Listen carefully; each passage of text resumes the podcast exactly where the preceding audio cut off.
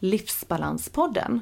En podcast i samarbete med Martin Kagemark, sångare, musikalartist och entertainer, samt Martina Bov, Ray of Light Stress Management. En podcast för alla som är nyfikna på livspusslet, stresshantering och hur man kan hitta sin egen livsbalans.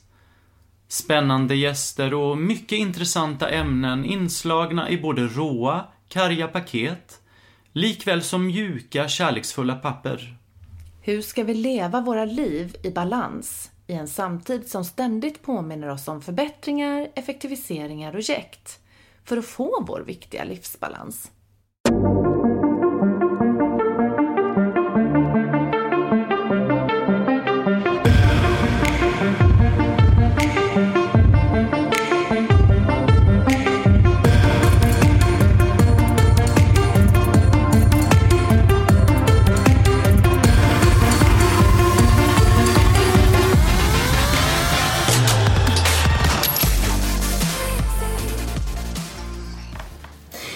Säger välkommen till Anna Wernbom Abtahi, VD och verksamhetschef på Eriksbergskliniken i Stockholm. Tidigare försäljningschef för Norden och Europa från varumärken som eh, Mira Dry och Allergan Celtic samt Galderma med produkter inom fillers, botox och skol, cool-sculpting. Hej! Hej, välkommen Anna. Tackar! Hej Tackar. Anna! Hej, tack så mycket! Underbart att vara här, för vi är ju på Eriksbergskliniken. Eh, och de här lokalerna, hur länge har det funnits eh, här, Eriksbergskliniken? Eriksbergskliniken har funnits i 23 år. Jag har dock inte haft verksamheten i 23 år, tyvärr.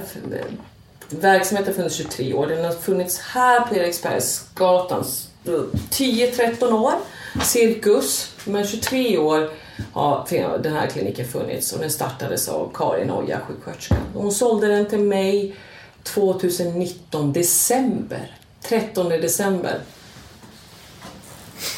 Gud, vad häftigt! Mm, det är häftigt, för det här är faktiskt en, som du nämnde tidigare så kommer jag från branschen, så att Eriksbergskliniken och Karin var en av mina gamla kunder. Ah, okej. Så jag känner den här verksamheten och personalen som har varit med väldigt, väldigt bra. Vilket det, det var ju extra roligt och jag kunde verksamheten relativt bra. Och det var många som följde med dig i, Mm. ifrån eh, tidigare. Mm. Och vem är du som person, Anna? Jag tror att jag är nog en ganska vanlig, vanlig tjej eh, från, från landet. Jag är inte från Stockholm ursprungligen. Jag fyllde 50 i år till exempel, men det var förra året, gubevars. Ehm, och jag har två barn, hund, häst, make. Ehm, inte Volvo, men inte långt ifrån. Jag har alltid, så jag tror jag är lite av en Gunde Svan typ. Ingenting är omöjligt. Man måste bara bestämma sig åt vilket håll man ska gå och så får man ta riktning och gå åt det hållet och göra sitt absolut bästa. Eh, Jag jobbar väldigt mycket, det har jag nog aldrig gjort, alltid gjort hela mitt liv. Ja. Ehm, och det, det är ett sätt för mig att leva för det är så grundat i min passion för det jag gör. Oavsett vad det är jag gör. Har jag passionen så då, tycker, då är det roligt att jobba. Det spelar ingen roll egentligen vad det är. Så länge man tycker det är kul så då vill man ju oftast göra sitt absolut bästa. Så jag är nog väldigt, i grund och botten väldigt, väldigt positiv och ganska driven person i mitt sätt att vara. Och sen är jag som en vanlig trött eh, småbarn och tonårsmamma och skäller på ungarna och bråkar med hunden. Och, Hur gamla är de då, barnen? Barnen är åtta och snart 20 år. Så jag har en halvstor kille och en liten sladdis pojke. Så har jag en stor häst och en stor hund. och, Och den stora hunden mötte vi ju. Och eh, ja, jag är ju allergisk. Jag hade ju velat krama om ja, hunden. han, Den han var är en kramig hund. ja, jättefin. Men väldigt stor. Ja, han är väldigt stor och jag vet inte varför jag alltid tar på mig stora projekt. Jag, jag tror att jag är så som person. Jag tenderar till att och gå all in i allting. Så jag, allt jag, gör. jag köpte min hund, nu ska inte det handla om min hund, men jag köpte min hund när jag fick, mitt barn var åtta månader. Mm. Och köpa valp då är inte optimalt när man är samtidigt mammaledig och ska springa in och ut med nej, nej. Men, men det gick jättebra och sen köpte jag kliniken och så bestämde jag nu ska jag köpa häst också så då köpte jag en häst. Varför inte? Varför mm. inte när man ändå jobbar? Ska man ja. jobba lite mer? Ja. ja. Nej, men, du har någon som tar hand om hästen också? Ja, det gör jag som... varje dag. Det gör du varje dag? Fast jag är inte där på morgonen. Det har jag outsourcat till någon annan. Ja, jag menar det. Ja. Jag är här varje morgon. På klinik. Precis. Men det är alltid någonting med hästen liksom varje Så dag. är det alltid. Men vad kul! Jättekul, jättekul. Vilken Jag passion. älskar det. Jag Mm. älskar det. Ja, det är en passion. Stort, stort intresse och passion. Och i och med att jag jobbade utomlands så många år, så när jag väl bestämde mig, när jag väl landar hemma i någonting som är mitt eget, då kan jag landa i det som har varit min dröm hela livet. Och det är egentligen få ha en egen häst och jobba med den. Precis. Hur startade din resa inom eh, skönhetsindustrin? Ja, det är, en, det är en ganska... Jag jobbade inom IT-sektorn och jag satt som marknadschef på Apple och var med i hela den här dotcom-historien med alla de här bolagen. Så jag jobbade liksom i IT-sektorn när jag satt som marknadschef. Och det var ju väldigt mycket business to business marknadsföring. Så jag kände att jag det var egentligen inte min grej, men i och med att jag är en person som brinner för varumärke så var det såklart fantastiskt att få jobba med Apple eh, och vara med i den utvecklings... Ehm, processen och den historien med, med iPod och så vidare. Så, jag, så gammal är jag så fick vara med och lansera iPod. Men sen så visste jag att för att jag, jag, jag är en person som är väldigt förtjust i konst, mode, skönhet. Um, alltid liksom brunnit för den delen och haft ett eget intresse så blev det väldigt, väldigt tydligt också att jag kände att i mitt yrke att jag ville gå åt det hållet. Och jag jobbade business to business marknadsföring och business to consumer med just IT och teknikprodukter som jag egentligen är helt ointresserad av. Eh, så jag, eh, när jag slutade på Apple så sökte jag faktiskt en tjänst på Galderma eh, som har då Restylane som är en filler jag fick det jobbet och jobbade då som nordisk marknadschef i många år tills jag blev mammaledig. Jag fick barn, sladdis, på äldre dag så att säga. Eh, och eh, då bestämde jag mig när jag väl hade gjort det att då måste jag kanske se mig om igen för jag saknade den, den in, jag hade ju jobbat på ett internationellt bolag så jag saknade den här pulsen som fanns i en internationell sfär. Um, och då blev jag faktiskt headhuntad till ett bolag som hette Celtic som sedermera såldes till Allergan som hade en produkt som hade lanserats i USA som heter Cool Scouting och var väldigt framgångsrik där. En produkt som fryste fett. Mm. Eh, och jag fick tjänsten och åkte ner på utbildning i USA. Eh, och när jag satt där kom jag ihåg att skicka ett sms till min man så sa jag det här är nog ingenting för mig. Jag förstår inte vad jag gör här. Jag tycker det här känns väldigt märkligt.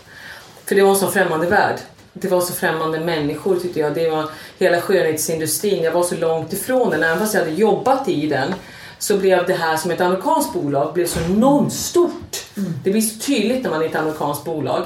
Men dagarna gick och ju mer jag kom, lärde mig känna kollegor, ju mer jag lärde känna produkten så tänkte jag att det här är så häftigt. Det här är en produkt som är bra för både hälsa men också för den inre självbilden det här är bra, det här måste jag hänga på. Och, så jag jobbade i bolaget och eh, hade Norden då som ansvar och sen så gick jag vidare till delar av Europa och det var, det var absolut den roligaste tiden i mitt liv. Ehm, även fast jag reste mycket var borta från, från barnen, men det var en väldigt rolig tid och en väldigt rolig produkt att arbeta med. Och få möjlighet och förmånen att få lära känna andra kliniker, andra läkare, andra kunder, andra människor, kollegor över hela världen. Det var, det var fantastiskt. Att få jobba i ett amerikanskt bolag var ju lika roligt.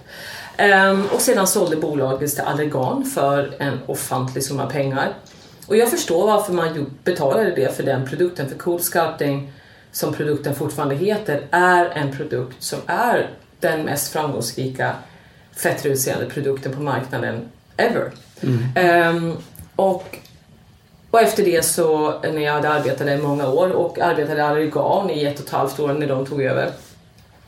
Så kände jag att äh, nu har jag nog gjort mitt här. Eh, dags att se sig om efter kanske någonting annat i karriärstegen som är lite större och mer omfattande. Och då fick jag, chefer som Europa, eh, fick jag jobbet som eh, Europachef för Mira Dry. Och Mira Dry är en produkt som är också väldigt bra för inte bara medicinskt om man har, för det är en produkt där man i princip tar bort svettkörtlarna utan kirurgi för människor som lider av överdriven svett. Mm. Eh, och det, är liksom, det, är, det finns ju människor som har sjuklig svettning som inte kan gå ut bland människor för att de får byta t-shirt efter fem minuter och som skäms och som gömmer ett undan, lever ett undanskymt liv. Um, så den, produkten i sig tyckte jag väldigt mycket om för den hade såna positiva effekter på människors liv när man behandlar människor. Men så fanns det också den som rörde sig om rent kosmetiskt. Kvinnor som inte ville att sidenblusarna skulle bli svettiga när de stod på scen och talade till människor. Eller, du vet det vanliga som kanske människor som inte har sjukdomen hypidros som det heter utan bara man var svettas vanligt, man vill ta bort svetten. Och det låter ju ganska galet men när man såg den positiva sidan så, av det hela så kände jag att det här är en bra produkt. Så jag arbetade i det bolaget och reste tok för mycket. Och så kände jag, nu har jag gjort klart det här som man kanske känner och driver för, karriären. Jag hade ingenting att bevisa. Jag landade liksom i, i, i mig själv och vad jag ville göra och, och vågade ta steget ut. Så jag sa upp mig. Eh, jag sa faktiskt upp mig från ett jättebra jobb, jättevälbetalt, allting. Allt sånt där som man får inte säga upp sig. Och så sa jag upp mig och hade ingenting och bestämde mig nu ska jag köpa en klinik istället. Wow. Lång historia kort. Och så köpte jag Eriksbergskliniken fyra månader senare. Wow. Mm. Mm. Häftigt. Och sen kom corona. Ja, sen så kom corona. Ja, som, som för alla. Men du Anna, jag är lite nyfiken på när du berättar om att du har rest väldigt mycket. Mm. Hur såg ditt liv ut eh, med resor och oh. familjeliv när du reste som mest? Jag har förmånen att ha en extremt eh, tolerant man mm. som visste att i, vi diskuterade länge när jag tog den här tjänsten om, om det innebar att jag skulle vara borta. Och som förälder, att man har alltid dåligt samvete när man är borta för sina barn. Det har man. Konstant dåligt samvete. Så för mig var det det största och svåraste beslutet var att fatta beslut att jag ska vara borta kanske fyra, ibland tio dagar på raken från mina barn. Och tidsskillnaden gör ju att du inte kan kommunicera med din familj på samma sätt. Och det, den diskussionen hade jag med min man och han sa det, men gör det här ett tag nu, för se om du trivs med det. Du, du vill ha tjänsten och du, du tycker produkten verkar fantastisk och du har bra kollegor och allting. Gör det här. Och så tar vi hand om det som behövs ta hand om eh, i sinom tid. Ta inte alla steg på en gång. Mm. Och så kastade jag mig in en total stress. Mm. Eh, jag åkte till USA på söndag och åkte hem på tisdag. Mm. Och den formen av resor är extremt krävande. Mm. Men är, tycker man att det är roligt. Och kan man landa och vara närvarande när man är hemma? Om man lyckas med det, och det var den största utmaningen, att man kom hem, att försöka vara närvarande. Och jobbar med amerikanska bolag så är det tidsskillnad, så när det är eftermiddag och kväll för mig så är det dag, morgon och dag för dem. Mm. Vilket gör att det var ju, jag jobbade ju dygnet runt. Jag jobbade sju dagar i veckan och dygnet runt. Alla dagar på året, spelar ingen roll. Um, så resorna tror jag inte kanske det var det värsta utan det var hur man hittade att vara närvarande när man väl var hemma. Mm. Um, närvarande och att inte ha det konstanta dåliga sam samvetet att man inte eh, var hemma och läste läxan med barnen. Eh, det går att göra det ett tag. Kanske för många går det länge men till slut så frågasatte jag mig, min egen existens i min egen, i min egen familj. Mm. Och du kan inte tulla på, um, när du börjar tulla på dina egna värderingar, mm. um, det kan du inte göra och karriär, ja jättefint. Men det är ju bara jag som stimuleras av det. Det är ju liksom, mina barn struntar i det och min familj struntar i det och vänner struntar i det. Och när man inte har tid med vänner, när man, man är närvarande, du är hemma och du landar och du är med familjen. Men det finns inte så mycket göra i övrigt i, i livet. Då blir det ju inte lika attraktivt längre. Så efter ungefär ett och ett halvt år på resande fot så kände jag det är kanske någon annan som ska resa men jag är inte perfekt för det här. Mm. Och eller så var det så att jag hela tiden inte hade samma hunger efter karriär. Det var ungefär så jag fick ticka av en box och så var det klart. Mm. Eh, jag tror nog faktiskt att min karriärshunger fanns kanske inte där heller från första början. Jag tyckte bara var, jag drogs till världen och jag tycker fortfarande att skönhetsindustrin är jättekul. Ehm, annars skulle jag inte ha köpt en klinik. Men jag tyckte att det var fantastiskt skönt att till slut kunna bara resonera med mig själv och säga, men vad är roligast då? Är, det att, är det att sitta på en lounge eller är det att bo på ett flott hotell eller är det faktiskt att em, äta tacos en fredagkväll? Och då var det ganska, valet var ganska enkelt. Mm. Så jag föredrar tacos istället för stjärnkrog. Ja. Faktiskt. Ja men vad härligt att du liksom har landat i det och kommit fram till det. Liksom. Bli vuxen. Ja.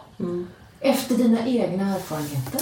Ja, och sen så tror jag också, jag, jag, man, får inte, man får inte ångra någonting. Jag ångrar inte det och mina barn var med mig på resor också.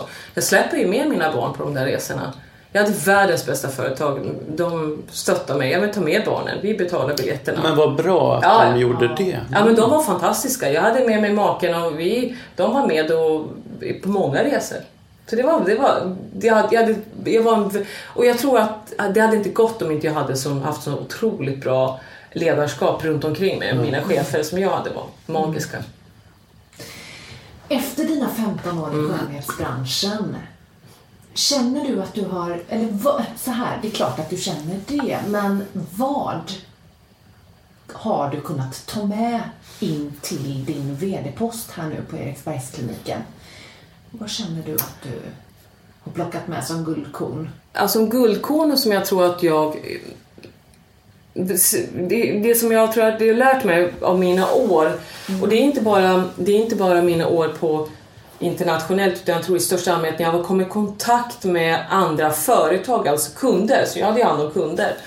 Ehm, kunder och andra företag och även stora andra företag. Så det jag har tagit med mig och det är egentligen vikten att behålla kärnvärdena i ett varumärke. Och även behålla kärnvärdena i ditt eget varumärke. För det är ju ett företags identitet. Och det är en människas identitet.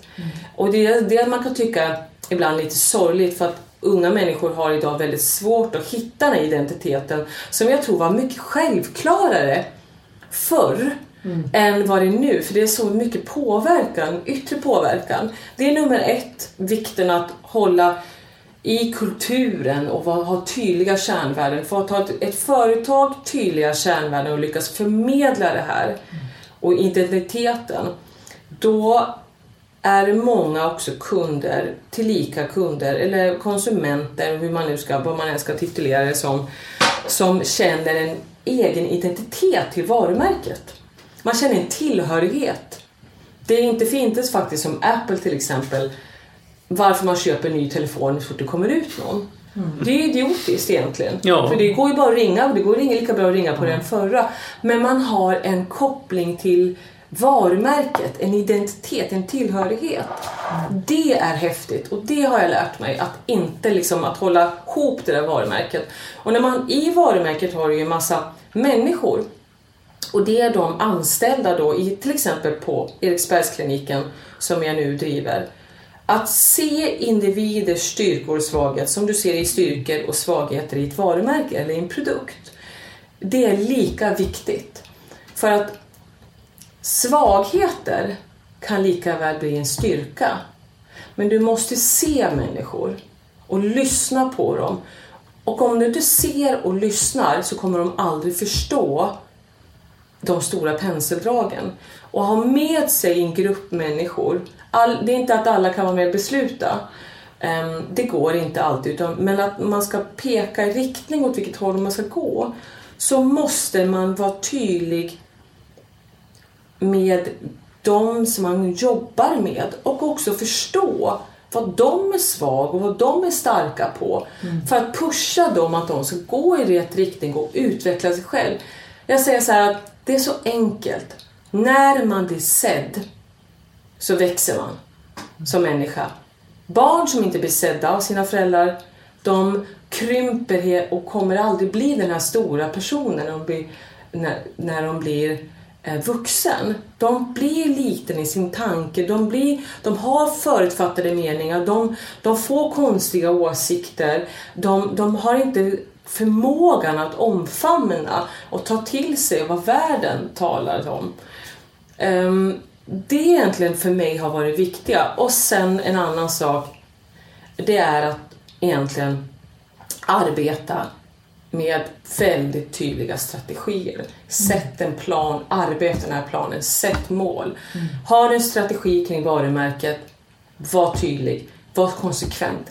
Ändra inte dig hela tiden. Du kan i covid så var man ju tvungen. Jag köpte ju bolag i december och februari kom covid. Mm. Ja men då kan ju alla mina planer, det var ju bara att vända upp och ner på dem och göra om det. Mm. Mm. Men kunderna var ju de samma, oron fanns där. Då måste jag bara tänka, ja men hur kommunicerar jag nu? Mm. Vad ska vi erbjuda? Hur ska personalen känna sig trygg? Mm. Det, det handlar ju liksom om att få ihop allt det här. Mm. Och det har jag lärt mig från de här åren. Åh, vilket långt svar. Ja, men det var ett väldigt fint svar. Det var väldigt bra. Man skulle ju egentligen kunna säga att det är några utav nycklarna då för att kunna arbeta som VD. Jag tror att, jag tror att, jag tror, det spelar ingen roll vad man gör, Nej. så måste man, ser man inte personalen, det spelar mm. ingen roll om man sitter, om man sitter på eh, Volvo, mm. men ser man inte människor och gör inte den här kompetensanalysen, mm. analysen på de, de personer, det är som, ser det som att det är strat, du har strategin klar och du har ett antal personer som, som på din schackbräda som du ska flytta de här spelarna. Mm. Men då måste du veta vad styrkan och svagheten är hos de här människorna och så måste du hjälpa dem att, att förflytta sig. Du, du har en uppgift att leda. Ledarskap är, det är skillnad på chefskap och ledarskap. Mm. Tyvärr är det alldeles för många chefer för få ledare. Mm. Det är jättemånga chefer där ute. Mm. Helst offentlig sektor. Mm. Sorry. Mm. Hur många anställda har du här nu i vi detta företaget? Är, vi är, nu ska vi se här, vi är, eh, vi är sex anställda, mm. på väg att bli sju. Vi har fem konsulter. Så vi är elva. Mm. Totalt. Konsulterna jobbar inte alla, alla på heltid. Men du, jag är lite nyfiken på det här om vi återgår till styrkor och svagheter. Mm. Hur jobbar man bäst för att kunna plocka fram en person i din personal då? Eh, dens styrkor och svagheter. Är det så att man får exempelvis gå in själv och tycka och tänka eller är det så att ni gör det tillsammans? Eller hur, hur skulle du Bra, det är en jättebra fråga. Jag, jag, tror att, jag, jag tror att dels att måste man själv ha någon form av begåvning mm. för att kunna se vad, vem man har framför sig. Mm. Um, och så måste man till, tillåta människor att mm. Man måste tillåta människor att tänka fritt. Mm. Göra lite fel. Det, det här, den här klyschan, det finns inga, det finns inga dumma frågor. Det, och det, det, finns inga dumma idéer. Jo, det är klart det finns dumma frågor och dumma idéer. Men man behöver inte påtala att de är dumma. Eller, bara för att jag tycker att de är det så är det ingen... Det, den personen som säger, frågar mig, tycker inte att det är dumt. Det är inte min sak att liksom döma och tycka att den här personen säger något som är dumt. Den här personen kanske säger, har 20 idéer mm. um, och det är kanske tre som är realiserbara. Det är min uppgift att ja men de där tre idéerna är jättebra. De 20 kanske vi kan, de andra 17 kanske kan använda lite senare. Men de här tre är fantastiska. Hur skulle du vilja utveckla dem? Mm. Att man ger människor utrymme att få prova. Mm. Um, och jag tycker ledarskapets viktigaste sak är att låta människor få lite leda sig själv. Ta ansvar Våga göra lite fel. Det gör ingenting om det blir fel. Det går att rätta till. Eh, Det är inte hela världen. Det är klart jag med, inte personalen. Man vill inte att de ska beha- behandla någon kund fel. Men när det gäller företagets utveckling, teamet här är jätteinvolverat. Vi, vi har kick-offer, vi diskuterar. Eh, när vi ska utveckla någonting tillsammans, vad tycker ni? Och Jag förlitar mig på att de är, de är duktigare än vad jag är på det här. Jag kan det här. Så att med allas input så trattar man ju oftast ner det i någonting ganska bra. De stora penseldragen, det är min uppgift att egentligen berätta vart vi ska. Sen att vi kanske ska ta en högersväng eller vänstersväng på vägen dit. Det är någonting som vi gör tillsammans. Ehm, men jag tycker en VDs uppgift är att, att ha verkligen... Jag brukar säga att man får läsa mellan raderna vad som egentligen sägs. Ehm, jag hade faktiskt... Jag hade, när jag kom in i Eriksbergskliniken så var det en person som, som fantastisk, jätteduktig, jätteduktig, eh, fortfarande lika duktig. Men jag såg att den här personen är jätteskarp på just det här. För när man börjar prata så ställer den personen frågor till mig så jag tänkte så här. Hon är jätteskarp på det här. Och då ställde jag frågan, men ska inte du ta han? Nej men jag har aldrig gjort det. Nej men inte jag heller, men det kan vi prova. Vi gör det tillsammans. Och så ser man en person växer och utvecklas. Och helt plötsligt så liksom, har du, skapar man en helt... Det blommar ut någonting annat. Då växer ett bolag. Då händer det någonting med bolaget. Och vi har vuxit. Det går bra för oss, knack, knack, trots dessa tider. Och sen så är det så viktigt att berömma. Du är duktig, du är bra. Apropå det som vi pratade om att man innan man måste säga att du är fin. Ja. Att säga så här, ah, men det här var bra. Men också våga säga att det här var mindre bra. Men kan vi göra det på det här sättet? På vilket sätt har skönhetsindustrin förändrats genom åren, tycker du? Jag tycker den har den har krypit ner i åldrarna. Mm. Vilket jag tycker är lite oroväckande.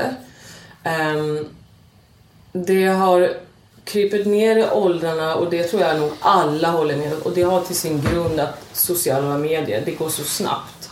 Det är så tillgängligt för alla. Eh, och kryper ner i åldrarna vad jag menar att idealen, ganska snäva ideal, har liksom trattats ner till väldigt unga människor. Som kanske inte har förmågan att egentligen eller har den mognaden som man får när man blir äldre. Är strunt samma om jag har lite celluliter. Nej. Men när man är 16-17 år och inte tycker att man har tillräckligt fyllda läppar och man sparar tills den dagen man fyller 18 år så man kan göra det. Jag tycker det är lite sorgligt. Och där har ju vi ett ansvar i den här industrin att kunna säga nej. I, överallt i Sverige får man göra behandlingar från man är 18 år. Du är myndig, du får göra vad du vill nu. Men du kan också som behandlare säga nej. Vi har haft kunder här som har blivit arga på oss när vi skickar hem dem. Vi har haft ganska unga personer som har varit arga för de vill ha ideal som inte vi kan leva upp till och som vi inte vi vill stå bakom.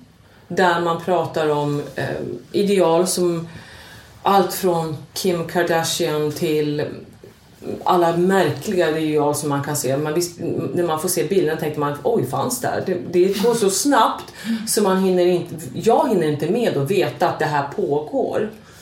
Och så har jag ju, jag har ju själv och även personalen har ju barn som är i övre tonåren och ju unga vuxna. Så man hör ju och man ser ju och man ser ju vad som, vad som figurerar och det är ganska Alltså självbilden tenderar ju till många gånger bli ganska skev då. Där allting handlar om ytan och förändra och väldigt lite om vad som händer med själen. Och det är lite obehagligt. Det är, men, men återigen, det är tyvärr, tyvärr, tyvärr alldeles för få kliniker och individer i skönhetsbranschen som vågar säga nej. För branschen i sig drivs ju av eh, kapitalism. Ja. Som hela branschen alltid gjort, skönhetsbranschen, mode och skönhetsindustrin. Eh, och det är inget fel att vilja vara fin. Det är inget fel att vilja ta hand om sig. Men när det tenderar till att bli en twiggy industri när det var ett anorektiskt ideal och nu är det ideal med jättegigant stora rumpor där man ska spruta in fett. Och ingen pratar om de stora riskerna med det. Där man ska fylla upp läpparna till monstruösa läppar. Och ingen pratar om risker. Så det är liksom, idealen har blivit så, så de har liksom blivit så extremt smala och lite, nästan obehagligt eh, eh, liksom det finns ingenting som är så att säga, naturligt. eh, Utan de, det, alltså det är extremt skeva ideal. Men den stora massan, så ser det ju inte ut. Men tyvärr är det de här smala, smala idealen, skeva idealen som driver de unga människorna. Och det är otäckt. Om ni vill komma i kontakt med oss angående Livsbalanspodden eller andra uppdrag så finns vi på livsbalanspodden gmail.com och Livsbalanspodden på Instagram. Eller var och en på martin.kagemark.telia.com eller via min hemsida martinkagemark.com. Och mig Martina på martinabovgmail.com eller på Instagram Ray of Light Stress Management.